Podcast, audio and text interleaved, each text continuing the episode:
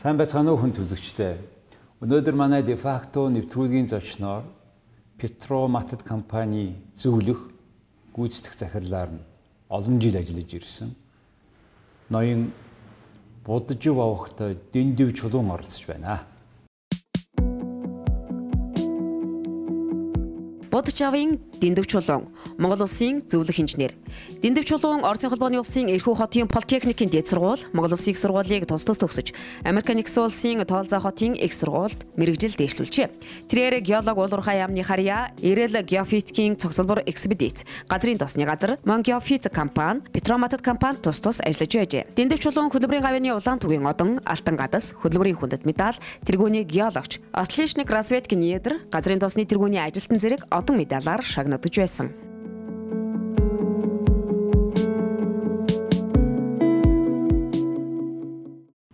За сайн байна уу дэндүү шулунгай. Сайн сайн байна уу. Та бүхэн 91 93 онд газрын тос компанид цуг ажиллаж байсан. Тэгэхэд газрын тосны одоо хуулийн дээр бүгдээр та мэрэгжилтүүд ажилласан бид орчуулж бариад ингээд Монгол улс газрын тостой дэлхийд танилцуулж эхэлсэн.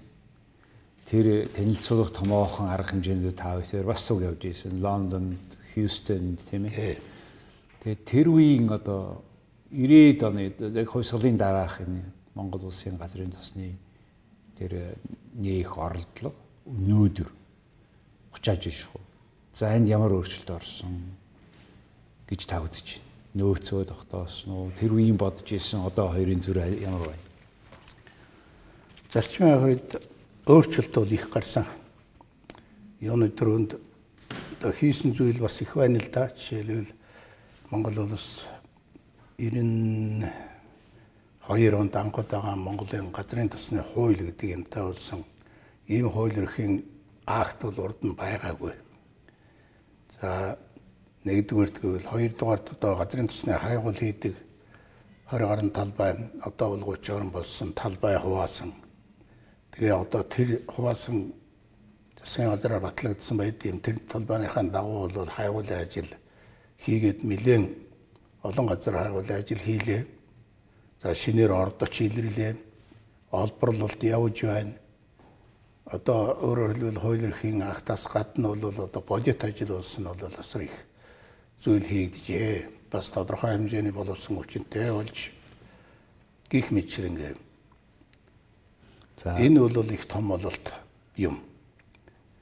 Албан ёсны хариуцлага байгууллагатай авч газрын тосны газар гэж 1990 онд анх одоо байгуулагдаж байсан 1989 оны 12 сард Батбаяг сайдын тушаалаар геофизикийн экспедицийн арианд газрын төсний судалгааны 6 дугаар анги гэж байгуулагдаж байсан.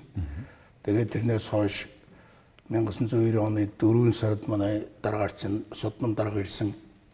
Тэгээд тэр үеэс хойш одоо бид тэр бол бас цугжилж өдөөдөдөө олон томоохон төслүүд дээр бол хамт оролцож явсан юм байна тухайлбал газрын тосны хуулийг боловсруулах. Тэгээд энэ гадаадын маш олон компанид танилцуулга хийсэн. Түүний дотор бол хамгийн ихнийх нь тэр Америкийн Хьюстон хотод хийсэн 40-од компани орж ирсэн санагдах юм. Тэгээд тэрүүн дотор дэлхийн газрын тосны том акулууд оролцож байсан. Дараа нь 82 оны 2 сард Лондонд хийсэн. Тэгээ энэ үгэд бол одоо үр дүнгүй өгсөн гэж ингэж боддیں۔ да. Тий 92 оны 2 сард Лондонд хийсэн. Тий. British Petroleum компани Монголд орж ирээд нэлээ томоохон газар судалгаа хийсэн. Тэр тухай ярьж өгөөч. British Petroleum-ын одоо энэ Төв Азийг хариуцсан захирал Флечнер, Флечер баха. Тэр хүн 1989 оны 7 сарын 14-нд төлөөдөө манайд орж ирсэн юм. Би тэрнийг яагаад санаж байгааг бол яг наадмын амралтын өдрөөр ирж ирсэн юм. Онгоцны билет нь олдохгүй Тэгээд олон төлөөлөгч бүрэлдэхүүнтэй ирсэн тэднүүдийн онгоцонд нь авч явдаг ганцаараа ирэж. Тэр бол одоо манайд орж ирсэн хамгийн анхны гадаадын барууны гэхүү тийм судлаач байсан. 89 онд. Аа тий. 89 оны 7 сарын 14. За. Тий. За тэрнээс урд 89 оны ёо 7 сарын 13-нд байхаа Америкийн нэгдсэн улсын тэр AD гэж компани захирал Уильям Пентила гэж өвгөн бас ирж байсан. Энэ хоёр зэрэг ирсэн. Аа. Тэгж бол одоо гадаадын компаниуд энд ажиллаж эхэлсэн үе нь эхэлсэн юм аа. Тэгээ British Petroleum манайд бол их зүйлийг хийсэн, их зүйлийг өгсөн. Тэрний одоо нэг том зүйл нь бол одоо 1990-ээс 92 оныг хүртэл хийсэн байгаа нь тэр Монголын бүх нутгаар доронтой буйрын талаас, тамсаг улгийн талаас хойшоо яваад урд талын бүх говьудаар дамжаад тэгээ овсон нуурын хотоор хүртэл хийсэн. Нүн 4 сая доллар зарсан байсан. Геолог талын хариуцсан слайдинг гэж геолог ажиллаж байсан. Слайдинг гэж байсан тий. Тий. Дараа нь нөгөө нэг жоохон нөхөрч юм билээ дээ. Тим хүмүүс байсан. Аха. Тэгээ эднэр бол Монгол газрын тосны судалгаа хийгээд үрдэнгийн тайлангийг бидэнд танилцуулаад танилцуулахдаа юу гэж хэлсэн гэхээр тэр дүгнэлтэнд л гол л доо. Тэр дүгнэлт нь болохоор Монгол газрын тос байна. Тэгэхдээ British Petroleum-ын хэрэгцээг хангахаар тийм тос алгаа. Тэр хэрэгцээ гэдэг нь юу байсан гэхээр нэг удаа нэг өдөр 200 сая баррел баха. Тийм тос гаргах нөөц байвал British Petroleum орж ирнэ. Тийм нөөц байхгүй тохиолдолд бид орж ирэхгүй. Та нар манай тайланг ашиглаж болно. Цааш нь зарж болно. Юу ч хийсэн болно. Судалгаандаа хэрэгжилж болно. Энийг бид нэр энэ 4 сая долларын тайланг орхиод ингээд одоо гарлаа гэж хэлээд танилцуулга хийгээд тэгээд гарсан юм. Одоо тэр тайланд байгаа. Тэр бол цааш цаашдаа нөгөө азрын тусны олон судалгаа хийх одоо үндэс суур нь болсон даа яг энэ дээр нэг юм хэлмээр байна л да. Та өөрөө ингээд за 69 онд эрхүүд политехникийн сургууль төгсөн тийм ээ. Тэгсэн. Тийм. Тэгээд ирээ ер нь бүх насаараа та геофизикийн тэрхүүд ирэл ирэл хайгуулын геофизикийн тусгай геодезийн тусгай байгууллага байлаа шүү. Тэгсэн. Тэгээд тэнд та ингээд ажиллаад бүх насаараа энэ Монгол улсын хайгуул олборлолт энэ дээр ажилласан хүн. Тэгэхэд одоо та хоёр 98 оны тухай ярьж байна. Та түүнээс өмнө хийсэн манай тэр хайгуулуудын тоо баримтуудтай энэ British Petroleum-ийн хийсэн тоо баримт аль зэрэг зөрж ийсэн аль зэрэг оновчтой байсан. Зөрн их зөрн. Тэгх тусмаа энэ газрын тосны судалгааны чиглэлийн юунууд бол үрдэнгийн тайлангууд бол нэг хэсэг нь бол улус төржсөн. Нөгөө хэсэг нь болохоор худалдааны маань чиглэлээр. Тийм учраас бол хоорондоо одоо цаашдаа хэрвээ ирвэл тэр ямар ямар байгууллагууд ямар дүгнэлт гаргаж байсан талаар бол би бас хэлж болно. Тэгэхээр энэгээрээ бол их зөрөөтэй байдаг. Би чинь одоо манайд бол ер нь газрын төсний судалгаа бол 1985 оноос л үндсэндээ эхэлсэн юм. Хоёр дахь үе шатна.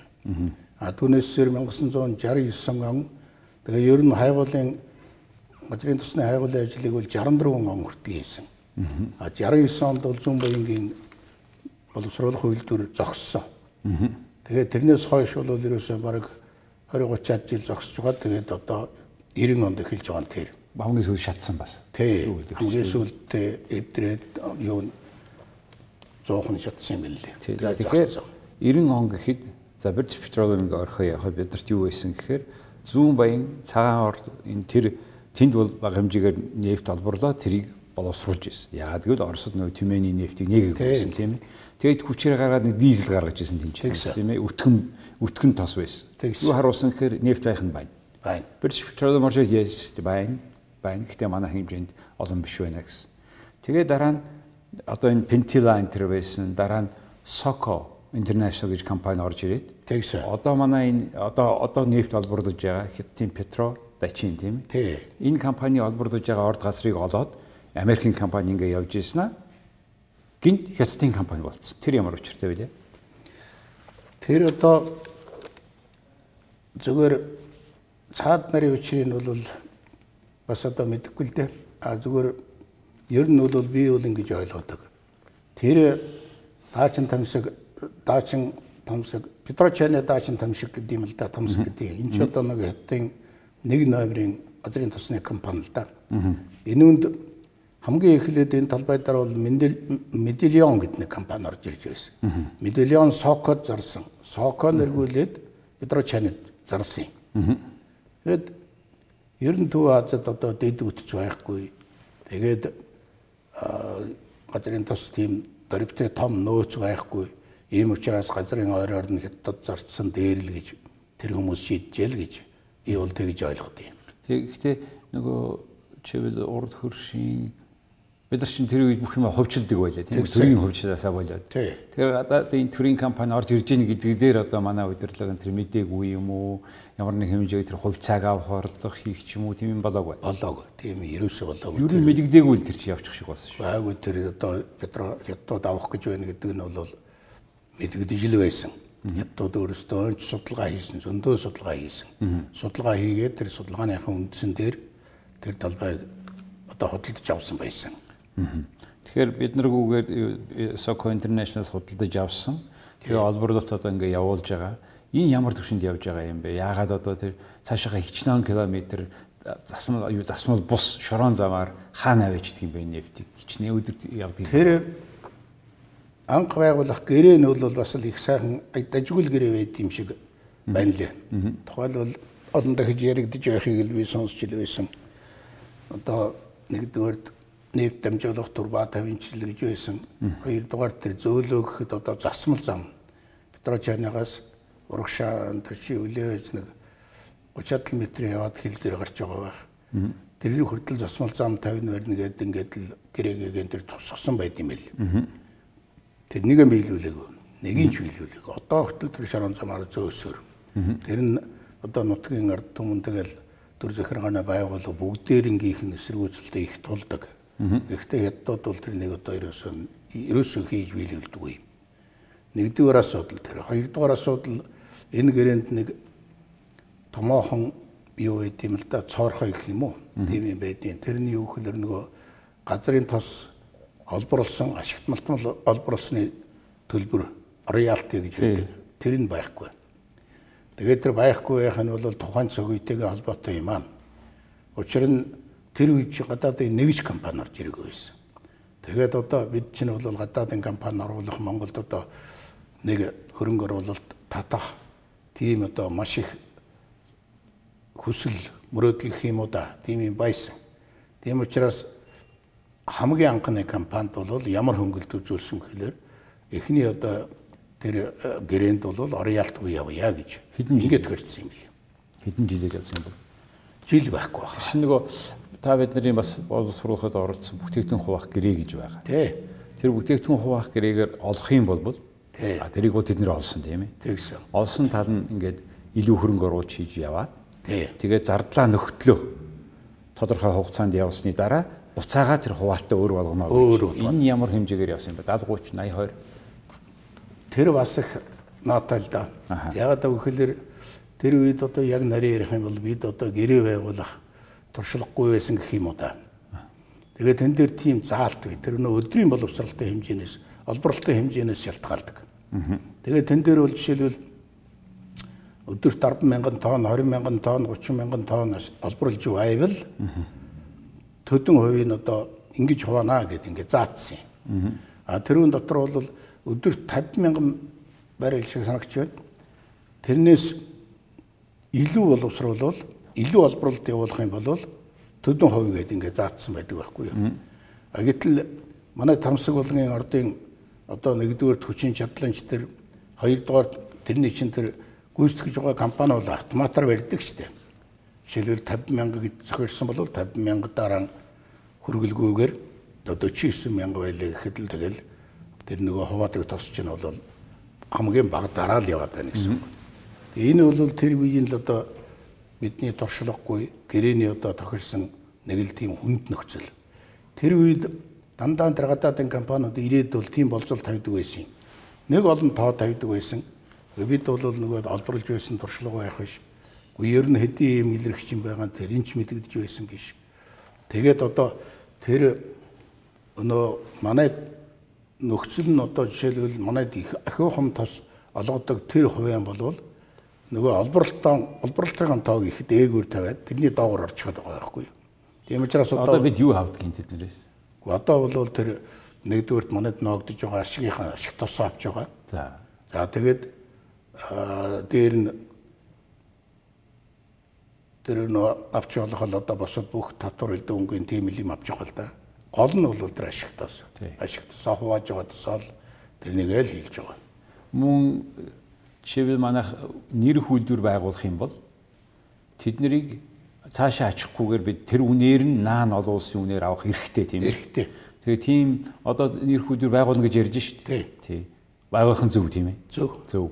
Аа тэгээд энийг тэр байгуулах газрын тухай та сонссон баг тийм ээ. Сонссон. Засгийн газар сонгогдсон байгаа газар. Сонгогдсон. Энэ тухай та юу гэж бодож байна? Энэ бол зөв сонголт гэж боддог тэр газрын хувьд.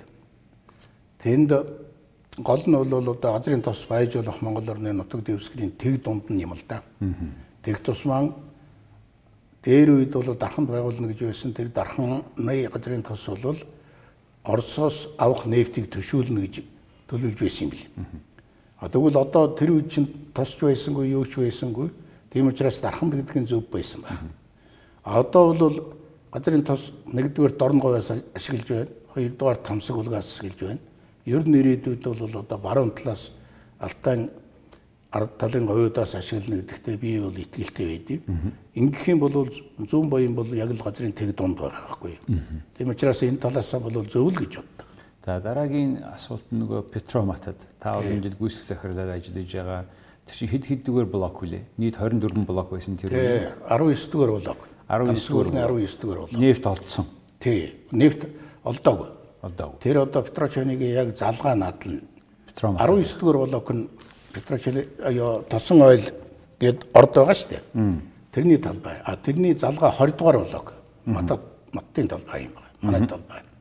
Тэгээ энэ дээр нефт олсон уу? Олоогүй. Гэхдээ нефт олно гэдэг нь юу л да үйлдвэрийн нөхцөл байхгүй. Аа аа тийм тосоо бол гарах нь олсон нь бол олсон. Тий. А тэгээд тэнийг ийм ийм зовлон биш үү?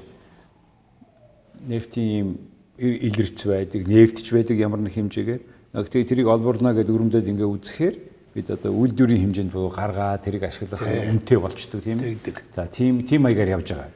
Тэгээд тэр бол одоо баг хэмжээний нефт нефтийн илрэл гэсэн үг, тусны илрэл гэсэн үг. Тийм илрэл бол тэр чинь 11 цоног өрөмдсөн.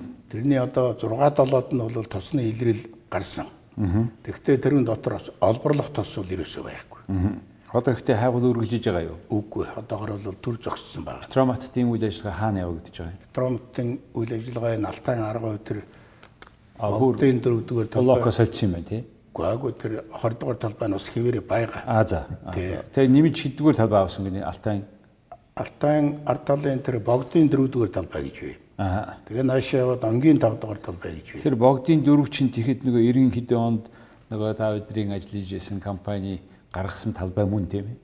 Шүү шинээр гаргасан юм уу? Тэр одоо анх л одоо 1991 онд тэр талбайнуудыг хуваахад хуваагдсан 22 талбай хуваасан. Аа. Нэгдүгээр нэг новны талбай нь усын талбай байсан. Тэгээ наашаа яваад хяргас хар ус нуур гэдэг 3 дөрөвдүгээрх нь тэр богдын талбай 5 нь ангийн талбай гэж байсан. Тэгээд баруун зүүн жишээ явсаар байгаад хамгийн цаадал нь одоо буйрын талбай болоод буйрын 19 20 21 22 гэж байсан байхгүй юу? Энэ талбайнуудаас та хамгийн ерөн нэлээд том юм болох уу гэж урдж байгаа хэсэг нь аль юм? Тамсаглаг хамгийн ирээдүйтэй гэдэг нь бол бүр дээрэг яасан. Тэгээд тогтоогдож байсан. Тэр ч одоо батлагдлаа. За Алтай арын гоёудыг бол газрын тос байхгүй гэж үздэг байсан дээр үе. 90 оноос өмнө бол ерөөсөө л байхгүй гэдэг. Тэнд хийсэн судалгаач байгаагүй. А зүгээр тэр бас хэд хэдэн онцгой онцолж үзэх нөхцлөөтэй л дээ. Тэгээ би хувьдаа бол Алтай арын тэр юунуудаас бол тос олно. Их нуруудын одоорууд гэж ярьдаг. Тэр одоороос бол тос олох ёстой. Олох олохдоо одоо энэ зүүн талд байгаа тосноос дутхааргүй их нөөцийг илрүүлэх л ёстой. Энэ дээр бол одоо гол ажиллаж байгаа газар бол Петромот байна л да. 2009 оноос хойш ажиллаж байна. Одоо 9 дэх жилээ. Тэгээд энэ жил одоо анхны хайгуулын цаанаг өрөмдөж байна да. За. Хөрөнгөний 30 ус сумд өрөмдөж байна. За. Тэгээ 3000 м өрөмдөх юм гэсэн. Тэрнээс одоо агсын өрөмдөл явж хэл байна. Аа. Тэгээ эндээс тос гардаггүй юм гэлээ гэхэд ер нь цаашаа тэгэл баян цагааны талбай энтергээд их сайхан сайхан талбайнууд биелдээ. Тэгэхээр нөгөө талаас энэ бол нөгөө Шинжааны угрын нутагт байгаа нөгөө Таримын бассейн гэж байгаа тэнд Тий. тий. Тэгээ наад талд нь эднэртэй ямар нэг хэмжээгээр геологийн тогтцсон хувьд холбогдсон юм уу?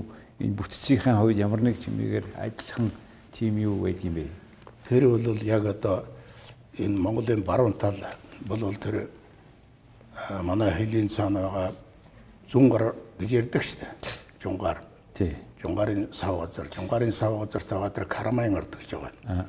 Тэрнээс наашаа яваад одоо манайхаар бол Номингийн говь тэднийхэр усараа нэг өөр өөр нэрлэлт юм байв.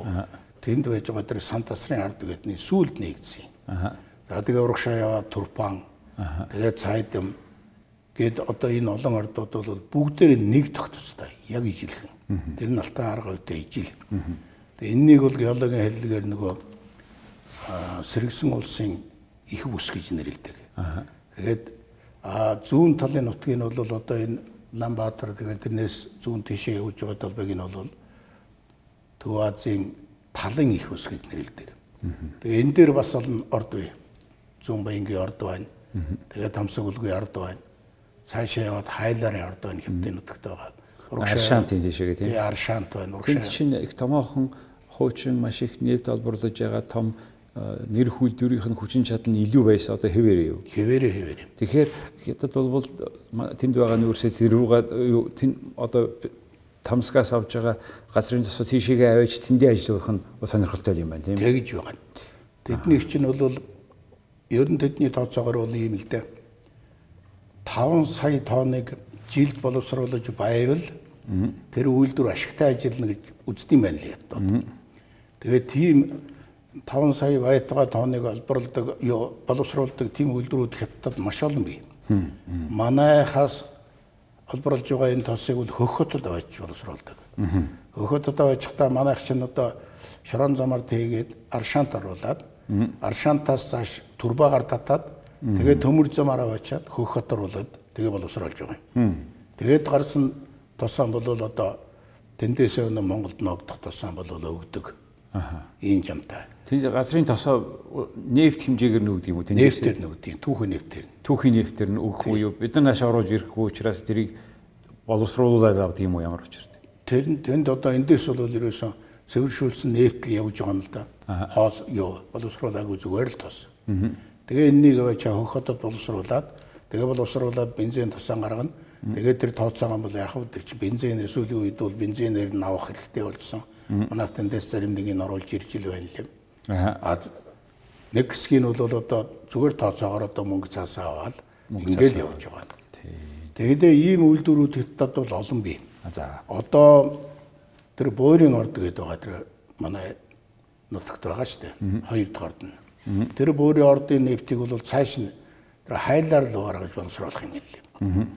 Ингээд өөрөөр хэлбэл хамгийн ойр ойр газраар нь л түүхэд тусан гаргаж байна гэсэн үг л дээ. Тамсагт энэ буйрын орд гэх хоёр газраас олборлолт хийж байгаа юм Тэнд хоёр орд байгаа. Нэг нь бол тэр 19 дугаар талбай дээр байгаа тосон уулын орд гэдэг нь тэр. Аа. Нийт хичнээн хэмжээний ийм цаашаа гаргаад байгаа одоо түүхийн нефтээр бол За одоо яг жил жилд юу гаргаж байгаа хэмжээ дамжааг нь бол мэдэхгүй. А зүгээр ер нь Петро Чайна бол ойролцоогоор нэг сая орчмыг л гаргаад байгаа юм. Аха. Жилдээ нэг сая орчим тонн гэдэг. Энэ жилийн төлөвлөгөөгөр бол тийм л юм байна л. 1 сая тонн түүхийн нефт гаргаж Түүхийн нефт гаргаад олборлоод гаргаж байна гэсэн үг. Тий. За та бүхэн ингээд улс орны нефтийн бүтцийн тухай илүү магадлал байгаа тэр Монголын юу алтай хойд газрын тухай ярьж шít. Тин ч одоо ямар аймгийн ямар сумууд илүү ороод байгаа яг таны ярьж байгаа. Оо наа чинь одоо манай авсан тэр богдын дөрөвдүгээр талбай, онгийн тавдугаар талбай гэхэд одоо энэ Дундгой аймгийн сайхан долоон сумын нутгаас эхлээд тэгээ Гоёлтай аймгийн тэр бигэр дэлгэр хүртэл явж байгаа юм. Энэ том талбай тэр чигээр явж байгаа. Таашаан бол 700 км зайтай. Тэгээ өргөөшөө 60 70 км хүртэл өргөнтэй. Тэгээ нийтдээ 5 аймгийн анх авч явахад бол 5 аймгийн 36 сумын нутгийг хамардаг байсан. Аа. Энэ бол асар том талбай л да. Тэгээд газрын тосны хуулиар чинь одоо жишээлбэл газрын тос байж болох томвол хурцтай хотгор байлаа гэхэд тэрний голд нь бол өндөр өндөр алтай нуурны салбар уулсан тэр байна дээ. Тэрнийг бол оруулаа хийждэг. Тэр хууль нь тийм. Тэгээд оруулсны ашиг нь юу гэхээр бид нар бол нөгөө газрынхаа рентмент элдэ өнгө юм бол тэр нийт талбай гасаал авна. Аа за. Тэгж явдаг. Улсад бол ашигтай юм байна. Том талбай явах юм бол ашигтай. ашигтай. Тий. За юу сүүлд нь би тань руу юу асуусан гэхээр танаас юу асуусан бэ гэхээр тэр саяхан тэр өвөр хангай аймагт уул уурхайн компаниуд руу морьтой хүмүүс очиж ингэж тийм үйл явдал болсон байна. Тэр юу болсон юм бэ? Яхад тэ одоо тэгэл тэр нэг эсэргүүцлийн зовлонгийн чинь би одоо мөн олон дахиж үзэж байгаа нь 30 ус сум тийм ээ. Тэ 30 ус сум. Аа. Богд сум. Тэгээд цаашаа яваад Барамбаяулаа. Энэ гурван сумын малчдал нийлсэн билээ малчд чи байхад тэ хөр гэж айлвал би бол тэр нэг сайн мэдэн тэр орон нутгийн хүмүүстэй зөндөө уулзаж явсан. Тэгээ айлуудтай очиад уулзаад малчдаа ингээл яриад учрал бүгдлөө тайлбарлаад байхад тэр хүмүүс бол ойлгодیں۔ Хамгийн гол нь тэр нэг өмөлдөг нэг хэсэг хүмүүс л байд юм л да. Сүүлийн үед зарим газрын бол сумын дарга, хурлын дарга нэгдчихдэг. Тэгээд хурлын дарга, сумын дарга, засаг дарга нэгдчихтэйгэн зэрэг нэг ард түмнээ уриалаад тэгээд баахан юмнууд л бөө юм болж идэх гэдэг юм л да. Сая их бол тийм л юм болсон байна л. За энийг одоо туршлагатай хүн цааш шалтгааныг юу гэж харж байна? За шунал байгаа. Өөр юу вэ? Гол нь бол шунал. Тэгээд дээр нь бол улс төр жиж байна. Улс төр гэдэг нэг заваа юм байна шүү дээ. Одоо жишээлбэл нэг намын засаг дарга байж байхад тэр намын засаг даргаыг муулахын тулд нөгөө намын нөхдүүд нь бол одоо баахан амтан босгож ирээд энд одоо нутаг дэвсгэрээ олборлуулж байна, ашиглуулж байна. Ийм буруу юм хийж байна, тийм юм хийж байна гэж баахар түнийг турхираад босгочдөг байхгүй юу. А түүнээсээр би яагаад ингэж турхираад байна гэж ингэж хэлэх гээд байныг бол Эрдэнэ цагааны нутагт ч гэсэн тэр айлуудаар бол би мөн олон айлаар орсон. Тэгээд зориуд чинь нөө хуулийнхаа дагуу тийм шиг нэг ард түмэндээ бол танилцуулна. Тэгэл одоо ийм ажил хийх гэж байна. Та нар минь дэмжээрэй. Тэгээрээ ингээрэй. Манайх бол орон нутагта өдөөдөдийн мөнгө 9 жирэл юм төлд юм л да. Тэгээд тэрнээс гадна газрын тусны хуулиар одоо шинээр батлагдсан хуулиар тэр газрын тус гарчих юм бол тэрнээс чинь нөгөө ариалт мариалт тэрний тодорхой хувийн тэр ард түмэнд нөх ёстой байхгүй юу. Тэгээд тэр нь урд өмнө бол тэрний өгч байгаагүй. Тэр нь бол маш их нэг ард түмний дургуг хөргөдөг. Өөрөөр хүн хараад байхад нэг тос болборлол одоо ашиг болоод байна. Тэр компаниуд алискул нэг хүн ард түмэнд юу ч хүртэхгүй байна гэд ингэж ярьдаг юм. Тэгээд тэр ч бас тодорхой хэмжээний үнний хувьтай. Тэгээ энээс болдог байхгүй. А тэгээд нөгөө ард түмнүүдэд ийм ийм очиртай юм шүү гэд яриад байхлаар ард түм бол ойлгох юм. Тэгээд э, тэр royalty буюу ашигт мал авсныхаа тэр бүх үйлдвэр төлж байгаа тэр 5-аас 10% төлөө. Тэрнийхэн 30% нь орон нутагт очих ёстой хуулиа улс орон хэрэгжүүлэхгүй нөгөө төсөв хөрөхгүй гэж богинуулчихээ. Тэгээд сүүлд нь өрөндөө өгчхөө Тэр яах явсан өрн тодорхой бус нөгөө том том бондын мөнгнүүдийг одоо бол тайланд бүрэн гараагүй. Тэгээ энэ хоёр намын этгээдүүд хуваагаад авцсан, харилцан барьцаалтсан, шүүхэн тэднэрт үйлчилж байгаа. Энийний үүднээс энэ Монгол улсын ашигт математикийг иргэдэн хүртэхгүй байх хүмүүс уур нь хүрээд шүү дээ. Тэр бол тэрэн дээр нь тоглоод шүү улс төрчин бас. Тэр бол байгаа зүйл. Бүр бодтой байгаа зүйл. Нэгдүгээр. А хоёрдугаарт би түрүү хэлдэг тэр энэ нам гэдэг нэг золиг байна л да. Энэ намаас болоод одоо жишээлбэл нэг нам нь нөгөө хүн унахын тулд нөгөө ард түмний янз янзаар л турхирч байна л да. Болохгүй юм бүгдийг л одоо тэд нөгөө дөрүгээ аваач хийж яах гэ. Тэгээд тэгтээ нөгөө ард түмэн ах дүү төрөл садан хооронд нь аваач төрсөлдүүлээд ингээл хөдөлгөөд байд. Энийг намчилсан синдромоос бид салахгүй бол улс төрийн намуудын тэр санхүүжилтийн ил тод болохгүй бол ямар ч баялаг байгаа тэрэг алга хоорондоо зодтолдоод хэрэлдээд дуусах шүү дээ. Яг тэгж байна. За дэндугай манай нэвтрүүлэгт ирж оролцсон талархаж байна. Таныг үдийжил маш их бүх насаараа энэ сонгосон мэрэгжилдээ үнэнч геофизикийн талаар Монгол томоохон ажлууд хийсэн. Тэгээ одоо хүртэл ингээд гялзаад маа хийгээ зөвлөгөө хийгээ явж байгаа талархаж байна, баярлаж байна. Их баярлалаа танд. За баярлалаа гэлээ. Баярлалаа. За. Хүн төсөвчтэй манай де факто нэвтрүүлгийн зөвшөөр өнөөдөр манай газрын тосны чиглэлээр олон жил ажилласан, мэрэгжилтэн, геофизикийн талаас ялангуяа а ноён бодож үеийн дэндив чулуун оролцлоо. Их баярлалаа.